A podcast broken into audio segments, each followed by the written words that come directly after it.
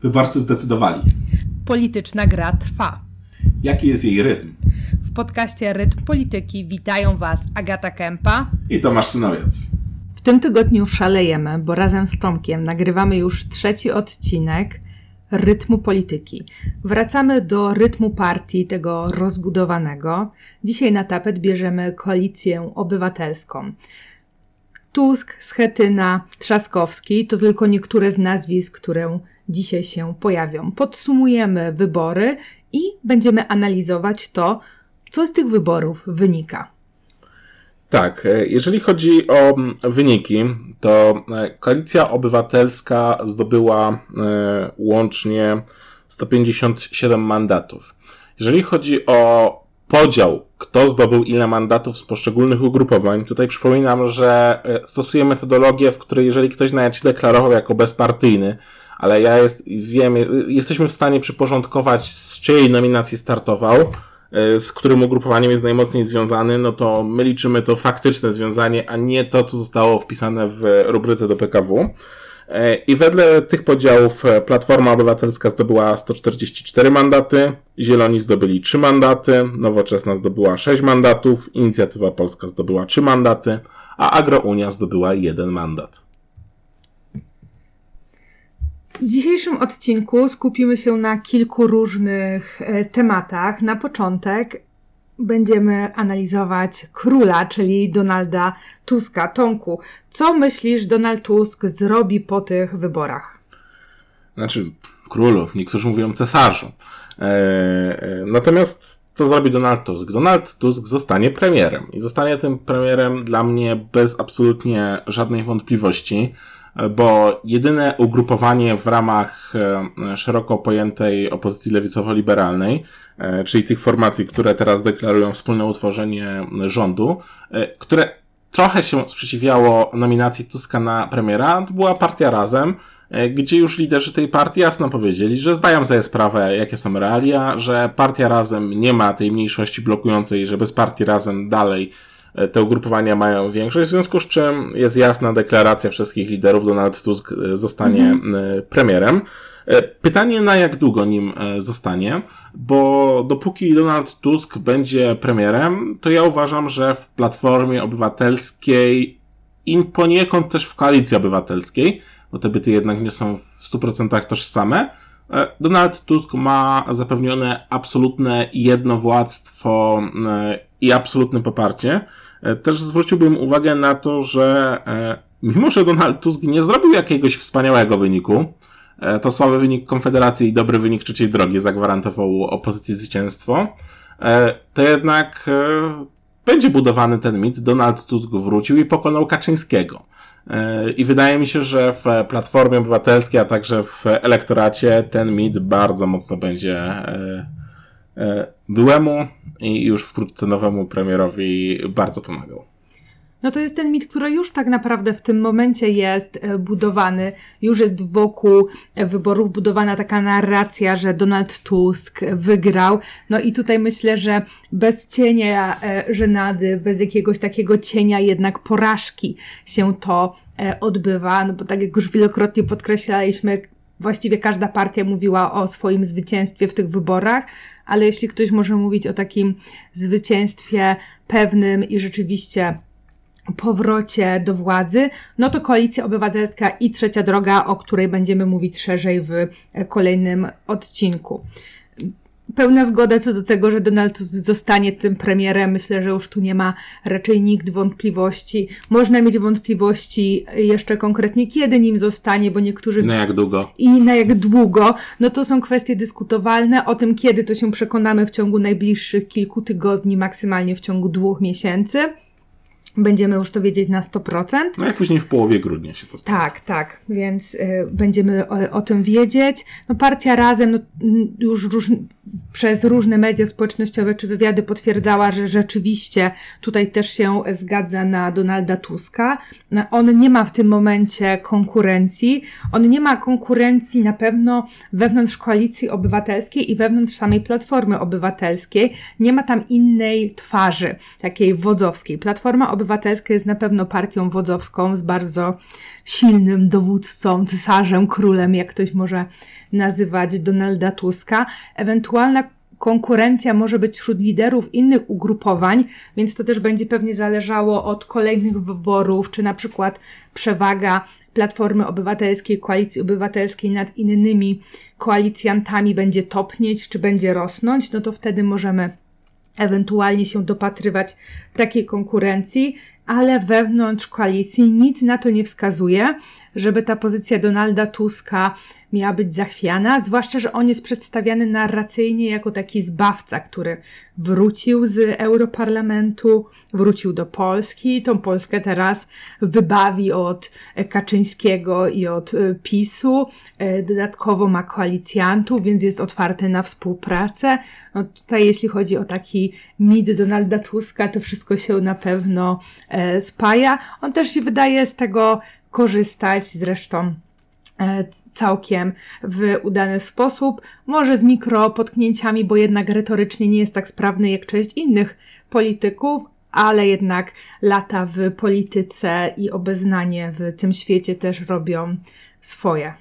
No i też Donald Tusk e, moim zdaniem na pewno nie zrezygnuje, e, tak jak niektórzy sugerują gdzieś po studniach rządów, generalnie nie zrezygnuje bardzo szybko, bo to w kampanii wyborczej nie było nigdy jasno zakomunikowane, ale były takie sygnały, że Donald Tusk e, przychodzi posprzątać, a później odda e, rządy młodszym. No cóż, ale takiej jasnej deklaracji, że po iluś dniach odejdzie nie było. Joe Biden też miał być prezydentem na jedną kadencję, a kandyduje teraz na drugą. Czy Donald Tusk wytrzyma do końca kadencji? Nie wiem. Będziemy jeszcze rozmawiać o scenariuszach, które mogą -hmm. spowodować, że być może gdzieś w okolicach wyborów prezydenckich przestanie być e, premierem. Natomiast po stu dniach e, na pewno nie zrezygnuje. Nie zrezygnuje z kilku powodów. E, po pierwsze, będzie to kampania samorządowa. Nie rezy- mm -hmm. Premier nie powinien rezygnować w trakcie kampanii, nawet jeżeli to było jakoś tak bardziej ustalone. Po prostu będzie to zbyt ważne, będzie zbyt ważnym aktywem dla swojej partii. E, no oprócz tego oczywiście będzie chciał jeszcze chwilę porządzić e, na pewno. E, no i też po stu dniach Donald Tusk nie będzie mógł powiedzieć, że posprzątał po PiSie. Będzie miał idealną wymówkę, że owszem, on chciał tylko posprzątać po PiSie, ale Trybunał Konstytucyjny, Andrzej Duda, to wszystko mu nie pozwala, więc dlatego on zostanie i dalej będzie walczył. On tu wrócił tylko po to, żeby posprzątać po PiSie, a później oczywiście odda władzę młodszym. E, a kiedy to się stanie, to oczywiście no, może się jeszcze dość mocno w czasie odwlec. A jak bardzo, czy, czy musi, to też niekoniecznie wiemy. E, no ale też e, problemem jest to, że jakby kto oprócz Donalda Tuska i Rafała Trzaskowskiego tak naprawdę w Platformie funkcjonuje jako potencjalny lider. Mhm. No właśnie mi też żadne nazwiska nie przychodzą do głowy. Może jeszcze przed erą wyborów byłby to Grzegorz Schetyna, ale wiemy, że potencjalni wszyscy konkurenci e, ze starej Platformy Obywatelskiej zostali wyciszeni i włożeni do Senatu, więc Donald Tusk nie ma żadnej konkurencji. No tutaj się z Tobą zgadzam, że takie pierwsze przesunięcia mogą być w okolicach wyborów prezydenckich, czyli za dwa lata w 2025 roku. Wcześniej ta pozycja Donalda Tuska będzie niezachwiana. No i raz, że ze względu na wybory samorządowe, zaraz potem mamy wybory do Parlamentu Europejskiego, e, a poza tym, gdyby on miał kogoś e, wystawić na premiera zamiast siebie, to na pewno chciałby, żeby to było ktoś z platformy. Jednak 100 dni rządów to jest bardzo mało, żeby zbudować taką twarz na tyle, żeby mm, spajać tą koalicję, która jednak jest wewnętrznie bardzo różnorodna, bo tu nie mowa nie tylko o koalicji obywatelskiej, ale też jednocześnie trzeciej drodze i lewicy. Z ramienia każdego z tych ugrupowań kandydowało kilka innych, więc jest spora różnorodność, więc ten lider musi być na tyle silny i charyzmatyczny, cieszyć się też na tyle poparciem społeczeństwa, żeby było wiadomo, e, że on spaja i trzyma tą koalicję. W ciągu 100 dni, moim zdaniem, nie uda się nikogo na tyle wypromować z platformy, żeby ktoś mógł zostać następcą Donalda Tuska. To bardziej jest plan na następne lata. Pytanie jedynie, czy na następne dwa, czy na następne cztery żeby promować kogoś właśnie na nowego lidera. Na pewno nie na pierwsze 100 dni, zwłaszcza, że było kilka tych konkretów, które, e, o których mówiła Platforma, więc będą mieli pewnie pełne ręce roboty w zmienianiu i naprawianiu Polski przez te pierwsze 100 dni. E, tak, znaczy ja bym do potencjalnych przyszłych liderów jeszcze e, wrócił później, mhm. natomiast słusznie zwróciłaś uwagę na Grzegorza Schetynę. Do tej pory w polskiej polityce funkcjonowało takie wygnanie do Parlamentu Europejskiego. Zdaje się, że Donald Tusk dla Schetyny i też dla sporej grupy jego ludzi. E, bo była spora grupa ludzi takich sympatyzujących w Platformie z Grzegorzem Schetyną i oni zostali, zostali wysłani do Senatu, gdzie opozycja ma dużą większość, generalnie Grzegorz Schetyna niewiele będzie mógł e, e zrobić. Więc to też jest takie spe, specyficzne wygnanie, o którym pewnie wielu z nas by nie pogardziło takim wygnaniem, natomiast w warunkach politycznych czasami wysłanie do jakiejś instytucji wcale nie takiej nieważnej, no to w warunkach politycznych często jest e, e, wygnaniem. Natomiast też o hegemonicznej pozycji Donalda Tuska nie tylko w Platformie Obywatelskiej, ale także w Koalicji Obywatelskiej, świadczą wyniki koalicjantów i pozycja koalicjantów, mhm. jaką mają, bo tutaj możemy to przeanalizować przez pryzmat trzech rzeczy. Po pierwsze, tych mandatów, które już tak. E, no ale nowoczesna ma najwięcej, sześć mandatów. To nie jest jakaś e, porywająca siła. No tak, nowoczesna ma sześć mandatów, to jest mniej nawet niż ma partia razem, czyli mniejszy człon, dużo mniejszego koalicjanta, więc tutaj w ramach koalicji obywatelskiej PO jest hegemonem. No to odnowa, odnowa chyba ma, e, e, odnowa, o ile dobrze pamiętam. Nie, odnowa ma pięciu. Ale, ale to, to jest jakby niewiele lepszy wynik niż Stowarzyszenie Odnowa, czyli to skupione wokół e, Marcina Ociepy i generalnie ci wiceministrowie od Gowina, którzy zostali w PiSie. E, czy Paweł Kukis, który też teoretycznie ma e, pięć nazwisk ze sobą. To są bardzo słabe pozycje, ale też jak popatrzymy na aspekt finansowy, to jak chodzi o podział no, subwencji, która wyniesie prawie 30 milionów dla mhm. Koalicji Obywatelskiej, no to Platforma Obywatelska ma 95,3% tej mhm. subwencji. E, Partia Zielonych dostanie 2,2% subwencji, a nowoczesna inicjatywa polska po 1,25%. E, oczywiście jest jeszcze Agrounia, ale Agrounia to tak naprawdę jest Michał Kołodziejczak e, i wydaje mi się, że jego powinniśmy już liczyć jako Platformę Obywatelską. To jest po prostu naturalny proces e, e przechodzenia. A, asymilacji. As, asymilacji. Agrounia to już zostanie tylko taki brand jego dodatkowy wewnątrz Platformy Obywatelskiej moim zdaniem.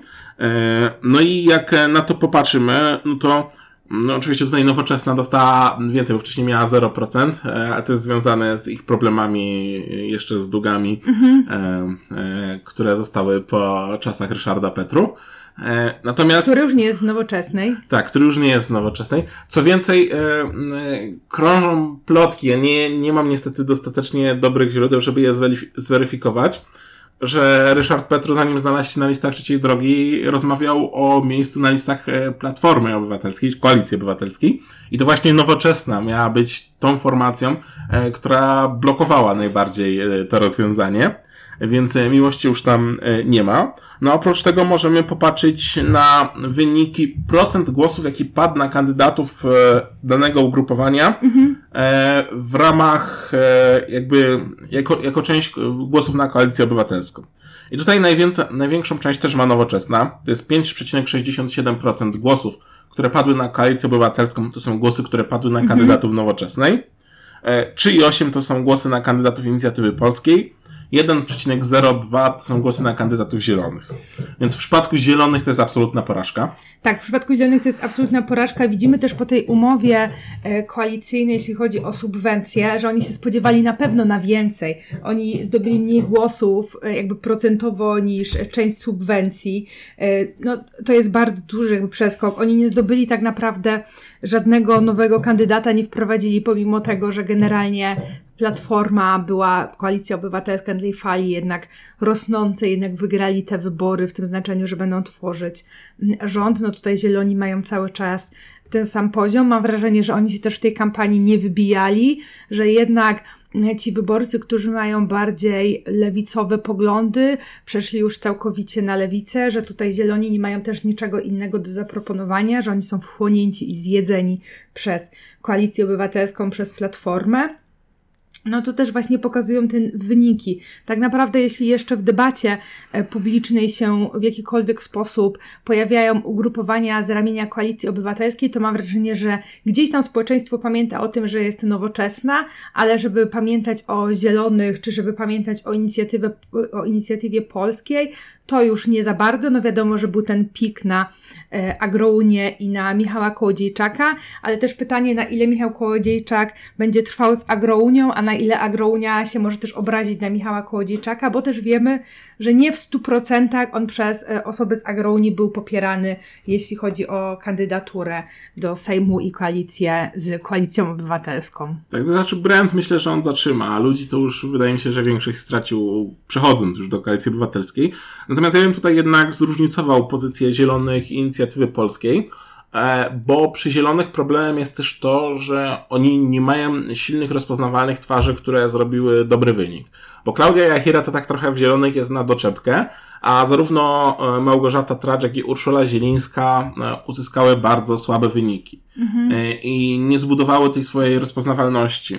A jednak, czy to przewodniczący nowoczesnej Adam Szłapka zrobił bardzo wysoki wynik, no i inicjatywa polska ma Barbarę Nowacką. Tak naprawdę to, to, jest, to jest trochę Barbara Nowacka plus e, e, to ugrupowanie. I Barbara Nowacka też zrobiła jeden z tak. najlepszych tak. wyników e, e, w kraju.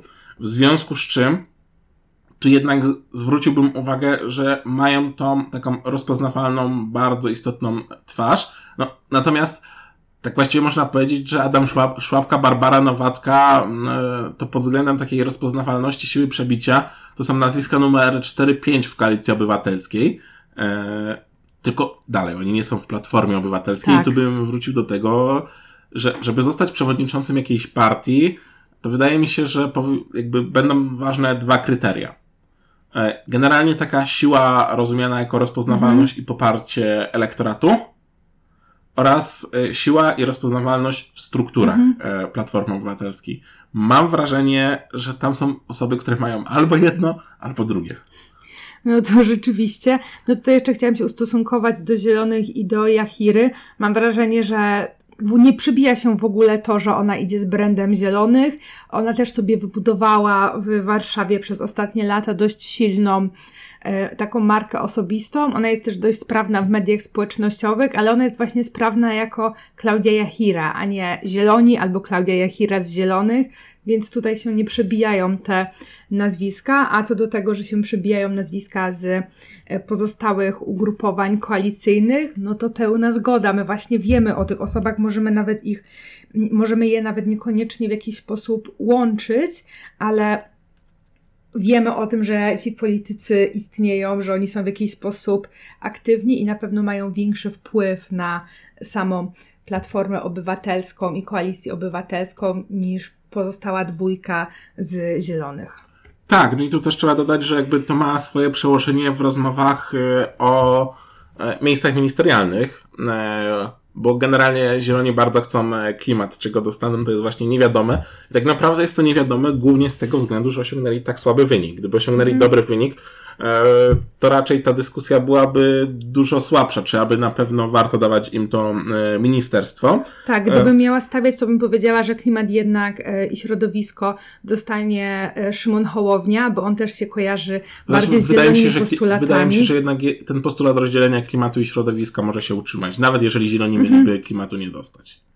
Tak, no to jakby w takim przypadku tak, ale myślę, że prędzej y, Szymon Hołownia, czy prędzej Lewica, w końcu im też trzeba dać jakieś ministerstwa, a Zieloni są bardzo słabi i tak naprawdę jeszcze spadli z tymi wynikami y, w stosunku do poprzednich y, wszystkich wyborów i tak dalej. Może będą mieli jakiegoś wiceministra właśnie do spraw klimatu. Wątpię, żeby oni stali na czele ministerstwa.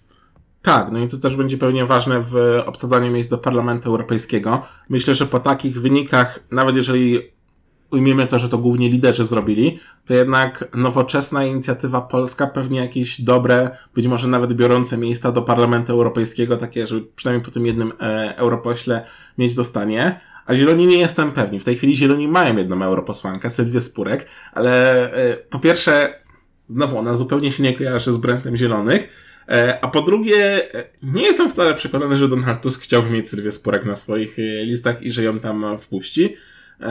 Bo pomimo tego, że ona jest w zielonych, to tak do koalicji obywatelskiej trochę jej nie po drodze. Myślę, że już prędzej w tym momencie do lewicy. Tak, znaczy, no niby człowiek, który wprowadził ją na salony wielkiej polskiej polityki, czyli Adam Bodnar, e, który, no przecież Sylwia Spurek tak naprawdę w polskiej polityce taką rozpoznawalność e, zyskała jako jego zastępca, e, jako zastępca Rzecznika. Praw Obywatelskich.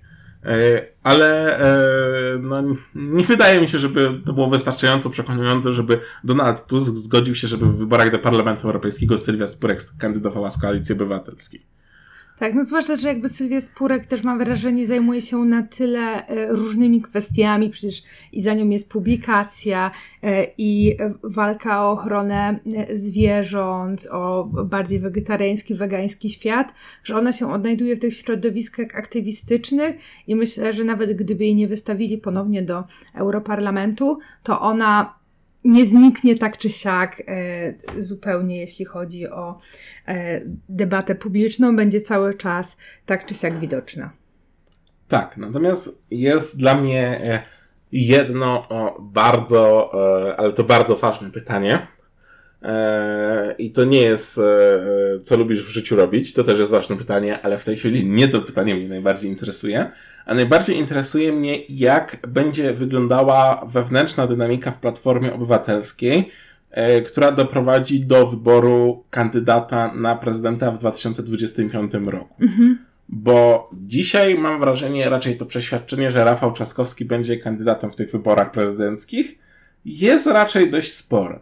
Ale po pierwsze, to się jeszcze może przez te dwa lata e, mocno pozmieniać. E, po drugie, w strukturach Platformy Obywatelskiej ludzi, którzy nie lubią Rafała Trzaskowskiego jest relatywnie sporo.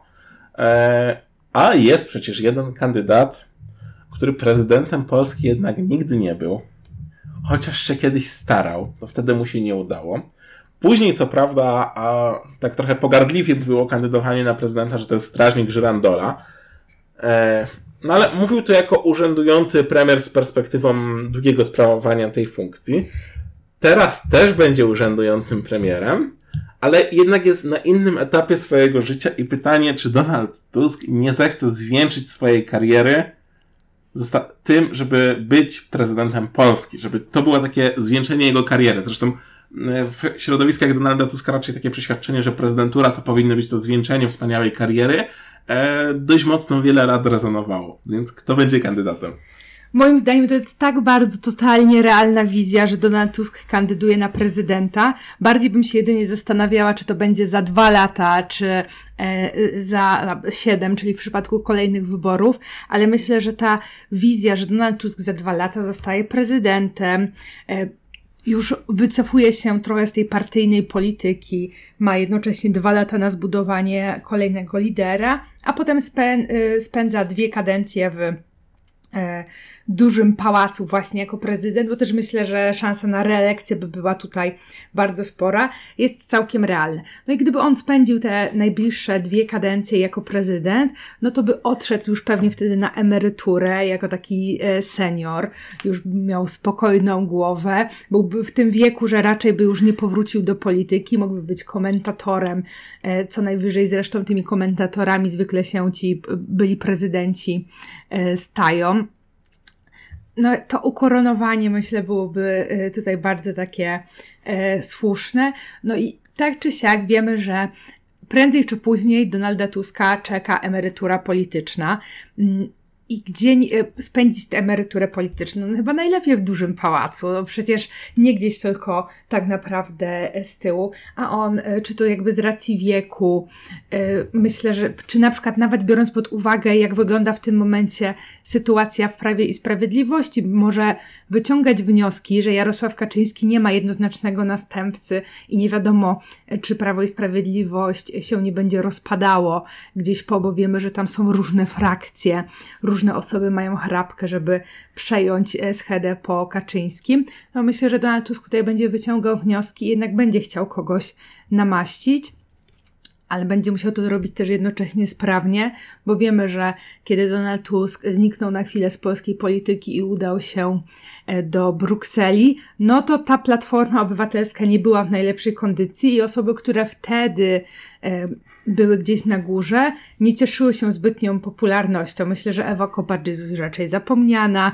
Wiemy, że Schetyna został odesłany karnie do Senatu, chociaż ja jakbym karnie była odesłana do Senatu, pewnie bym się cieszyła z takiej kary.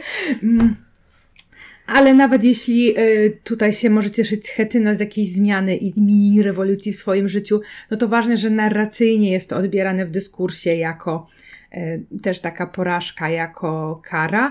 Więc tak podsumowując, myślę, że Donald Tusk ma teraz dwa lata na namaszczenie kogoś innego i jednocześnie bycie silnym premierem, co będzie świetną przybudówką do E, kampanii e, prezydenckiej w 2025 roku. Myślę, że jest mikrocień szansy, że wystawi Rafała Trzaskowskiego, ale z drugiej strony myślę, że Rafał Trzaskowski już był tą raz pokonaną osobą. Mu w tej Warszawie jest całkiem dobrze e, nie ma za bardzo w samej Warszawie w tym momencie konkurencji. Może Rafał Trzaskowski sam pójść do innych E, organów.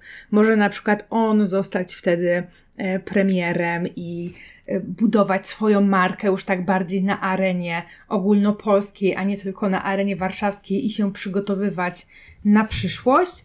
A ta wizja Donalda Tuska jako prezydenta wydaje mi się bardzo, bardzo realna. Myślę, że on nawet jako przyszły premier teraz e, i były premier jednocześnie, nie miałby nawet e, z ramienia e, koalicji szeroko pojętej, liberalno-lewicowej, innego nazwiska, które by było na tyle silną konkurencją, E, żeby było gdzieś to zagrażające, plus biorąc pod uwagę, jaką przewagę zdobyła ta koalicja, no to wiadomo, że osoby, które przeszłyby do drugiej tury wyborów prezydenckich, przekazałyby te głosy na Donalda Tuska, więc ta prezydentura byłaby pewna. Oj, z tym, że byłaby pewna, to ja jednak bym się nie zgodził. E, to nie działa tak, że automatycznie w drugiej turze takie przejście byłoby na Donalda Tuska, aczkolwiek zgodzę się z tym, że e, kandydat koalicji obywatelskiej w wyborach prezydenckich, jeżeli nie wydarzy się nic wielkiego, oczywiście w wyborach samorządowych -hmm. i wyborach do Parlamentu Europejskiego, e, to osoba kandydująca z koalicji obywatelskiej będzie faworytem tych wyborów. Natomiast gdzie indziej, no, alternatywą dla dużego pałacu jest Komisja Europejska. E, myślę, że funkcja szefa Komisji Europejskiej też by Donaldowi Tuskowi trochę odpowiadała, ale po pierwsze, szef Komisji Europejskiej to jest jednak dużo więcej roboty niż e, prezydent. E, mimo, że prezydent to też nie, nie są wakacje, ale jednak to jest koordynowanie tych wszystkich komisji, mhm. państw. A poza tym, to nie jest tak, że w Brukseli Donald Tusk przyjdzie, powie, dajcie mi jakieś stanowisko i mu dadzą. To, to, to jednak nie jest sytuacja z Polski. E, natomiast ja uważam, że jeżeli Donald Tusk ma kandydować na prezydenta, e, to musi kandydować teraz w 25 mhm. roku, e, nie w 30, bo jeżeli Donald Tusk nie kandydowałby teraz, no to po pierwsze w 30 roku już będzie trochę starszy, być może nawet za stary, poza tym się ponownie zużyje politycznie przez te 7 lat, a teraz ma jednak ten efekt powrotu i mhm. świeżości. Mhm. E, no najmłodszy nie jest, miałby, miałby wtedy 73 lata. Ja wiem, jakby to jest wiek jeszcze, w którym mógłby kandydować, natomiast e, e, na pewno jest to mniej prawdopodobny niż teraz. A też zwróciłbym uwagę na to, że jeżeli Donald Tusk nie wystartowałby w tych wyborach na prezydenta, co jest oczywiście według mnie bardzo realne, według mnie szanse na to, że Rafał Trzaskowski będzie kandydatem, to jednak nie są mikroszanse to jednak moim zdaniem będzie się rozstrzygało w ciągu tych e, dwóch e, lat. E, I chociaż Donald Tusk jedzie szybszym wozem i będzie atakował Rafała Trzaskowskiego, to Rafał Trzaskowski startuje z pole position w tym mhm. wyścigu. I jeżeli, czy to byłby Rafał Trzaskowski, czy jakiś ktoś inny, kogo się w tej chwili nie spodziewamy, no to sami zwróciliśmy uwagę, on będzie w tych wyborach faworytem. Więc jeżeli by wygrał te wybory, to w następnych wyborach broniłby tej pozycji. Mhm. A perspektywa startu Donalda Tuska za 12 lat to już moim zdaniem jest e, absolutna fikcja. On z pozycji nieurzędującej głowy państwa e, za 12 lat, on będzie miał wtedy ile? 78, tak? Dobrze Tak, jakoś tak. No będzie w każdym razie pod 80. Tak, więc... więc absolutnie tego nie widzę. Więc jeżeli Mhm. Donald Tusk chce zwiększyć, zwiększyć swoją karierę prezydenturą, e, to e, ze względów e, czy to politycznych, czy to ze względów po prostu metrykalnych, e, musi wystartować w tych wyborach. Czyli w 2025 roku jako 68-letni kandydat. Tak, więc to jest, e, to jest moment, w którym, e, w którym on musi wykorzystać e, tą szansę, jeżeli się na to zdecyduje. Oczywiście argumenty przeciw są takie, że jednak jego elektorat negatywny jest większy niż elektorat negatywny Rafała Trzaskowskiego. E, No i jednak e, Rafał Trzaskowski chce. Pytanie, czy tam nie było jakiejś rozmowy między nimi. E, I pytanie, e, czy Rafał Trzaskowski byłby w stanie się postawić, gdyby Donald Tusk powiedział nie, to ja wystartuję na prezydenta. E, Bo choć Rafał Trzaskowski uchodzi za wiecznie młodego, to wcale już taki młody nie jest i odwleczenie o 5 czy tam nawet, a może nawet 10 lat kandydowania na prezydenta to może być odwleczenie na nigdy już kandydowania. No a jak wrócił Donald Tusk, no to mm, przypominam, że Rafał Trzaskowski co prawda był w stanie się postawić, ale to jego postawienie się i jego wytrwałość w walce z Donaldem Tuskiem starczyła na jeden wywiad w faktach po faktach, e, po którym to szybko jakby rzucił rękawicę w tym wywiadzie e, Tuskowi, e, że to nie jest wcale oczywiste, że zostanie przewodniczącym, że to będzie jakiś wybór partii, po czym dzień później się mm, z tego wycofał. Więc Pyta tylko pytanie, czy jednak e, w tej sytuacji e, Rafał Trzaskowski nie był w stanie by się trochę więcej zbuntować. To też nie jest tak, że Właśnie, to jest pytanie, pytanie, na ilu on ma zwolenników w partii i na ilu więcej mógłby przekonać do tego, że on daje jednak większą rękojmię, większe szanse na to, że zwycięży z konkurentem z PiSu.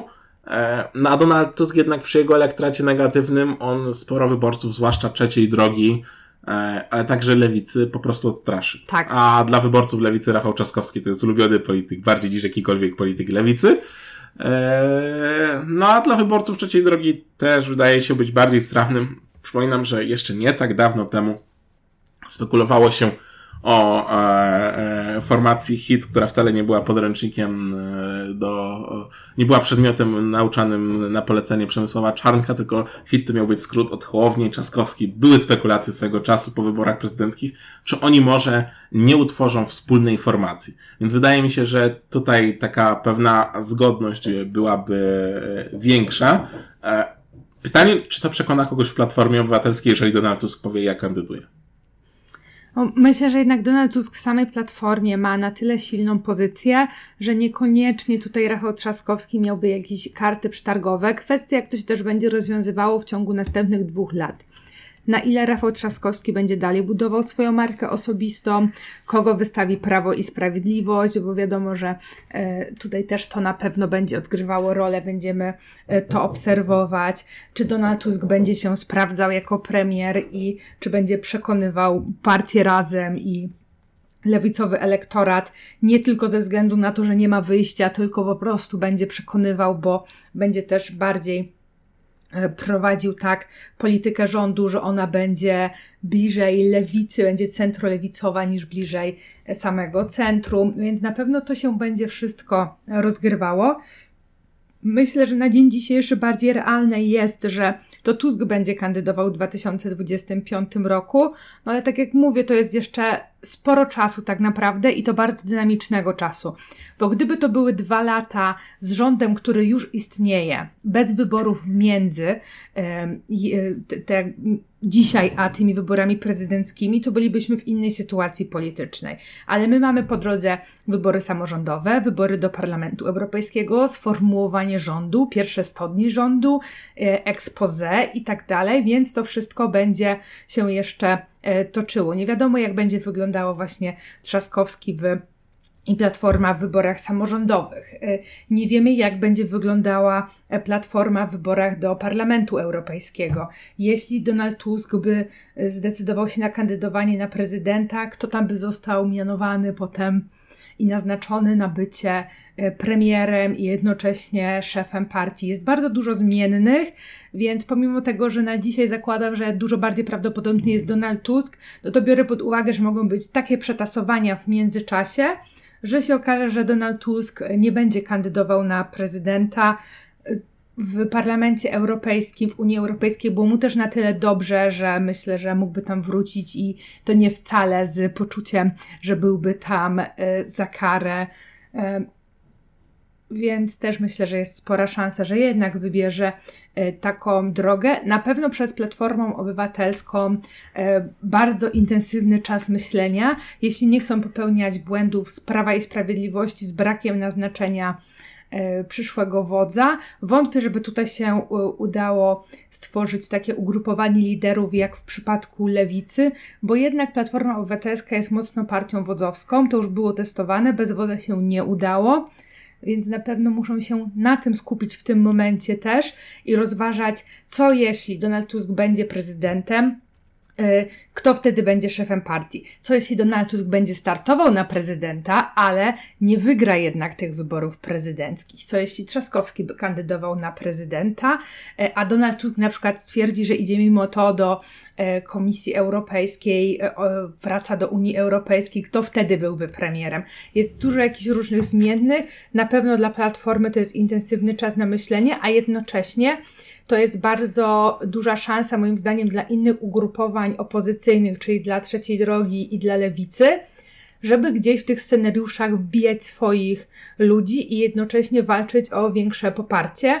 No o tyle, o ile lewica ma, myślę, sporo e, rzeczy nadrobienia, plus też kwestia tego, na ile w Polsce są w stanie się przebić i zdobyć więcej głosów, większe poparcie, bo jest jakiś elektorat lewicowy do zagospodarowania. O tyle trzecia droga, moim zdaniem, musi walczyć o stabilność tego, zwłaszcza, że nie wiadomo, co będzie wyglądało, jak, będzie, jak będą wyglądały kolejne wybory, czy oni się jednak rozdzielą, czy będą grać do jednej bramki, ale o lewicy i o trzeciej drodze jeszcze w kolejnych odcinkach.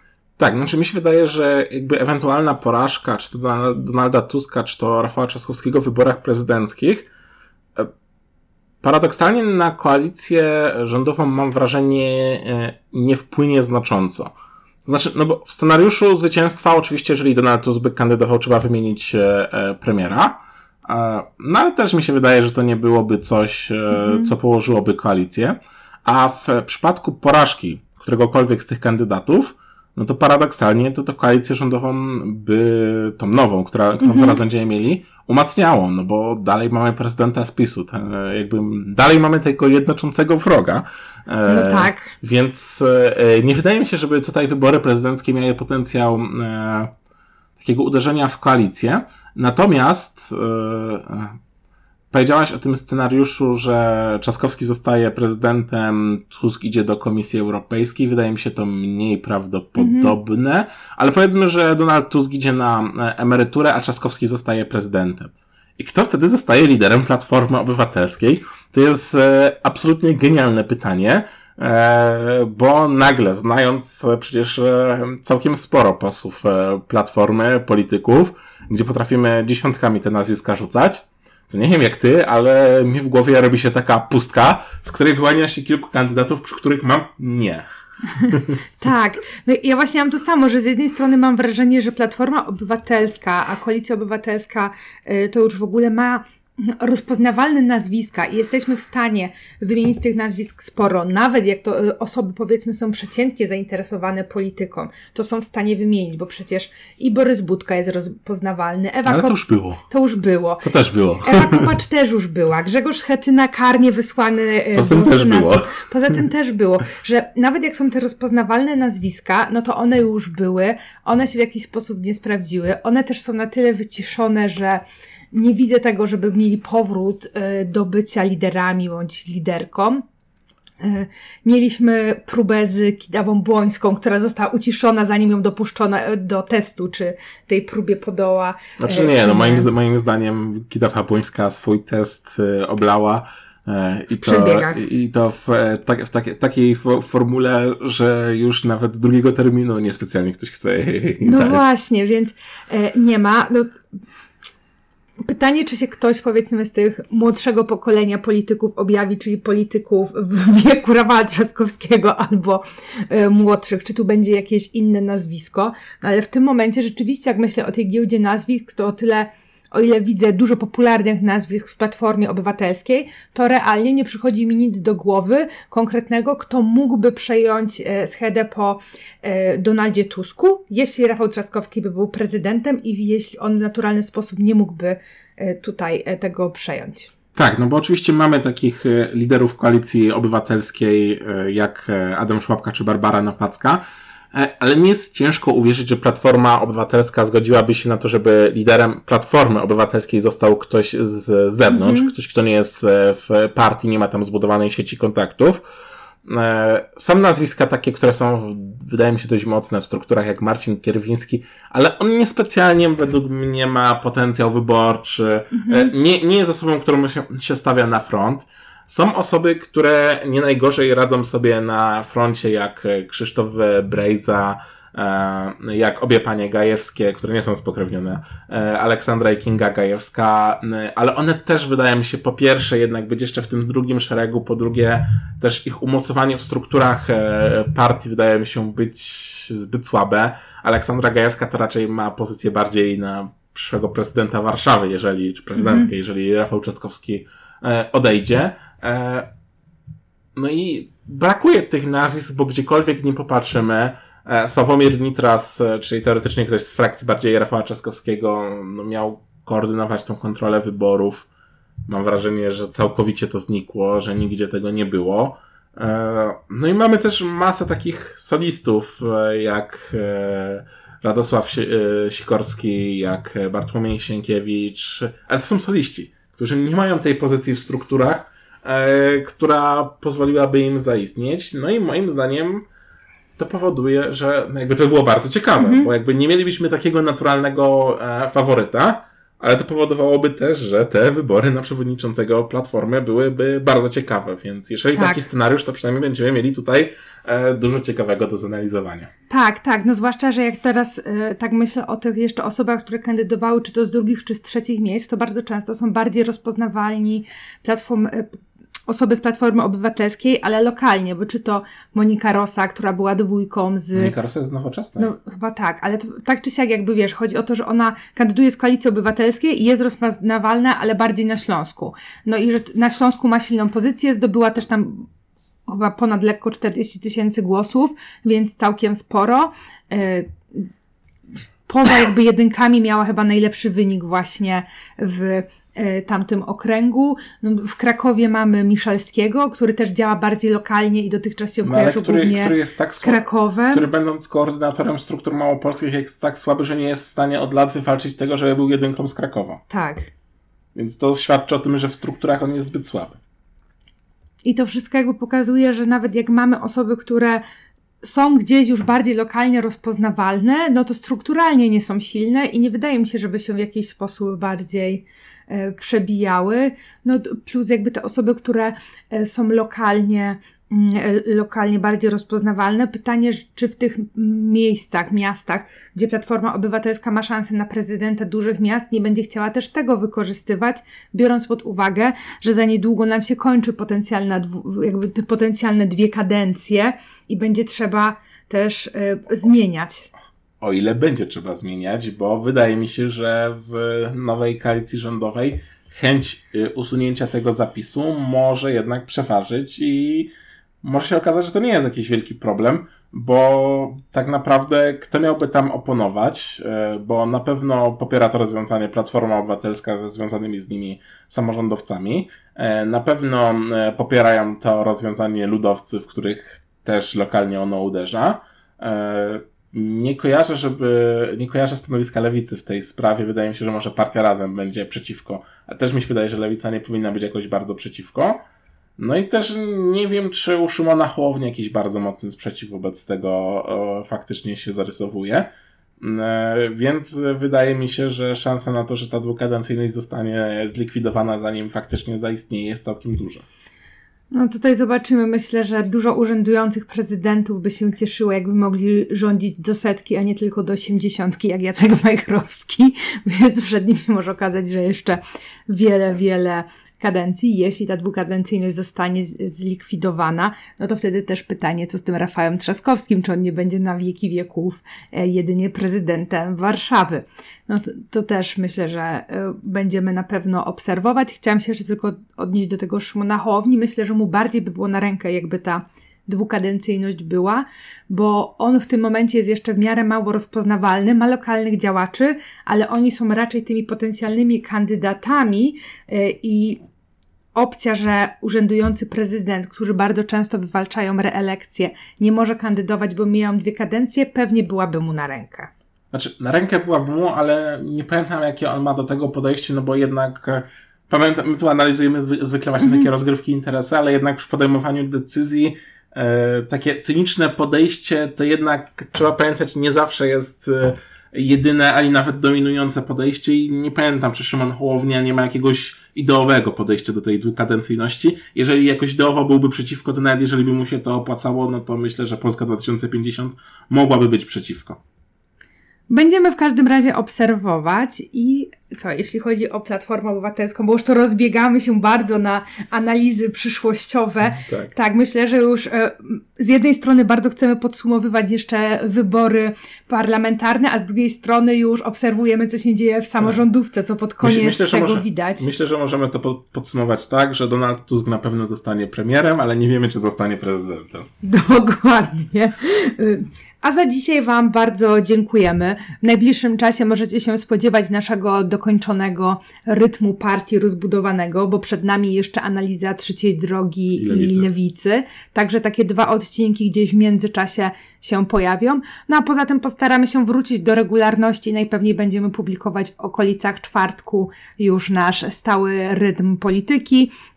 Już raczej nie z tymi analizami okołowyborczymi, tylko wybierając konkretny temat, chociaż siłą rzeczy przez to, że... Dużo bieżącej polityki na pewno będzie. Dużo bieżącej polityki będzie, a siłą rzeczy przez to, że jesteśmy po wyborach, to ta bieżąca polityka jednak się wokół tych wyborów obraca i pewnie zaraz po tym, jak się skończy e, wybór premiera, expose i będziemy znać rząd, to wkroczymy w kolejne wybory i tak co najmniej do czerwca będziemy gdzieś z różnymi wyborami w tle, mocnym tle do Was mówić. A za dzisiaj dziękuję Wam Tomasz Synowiec i Agata Kępa.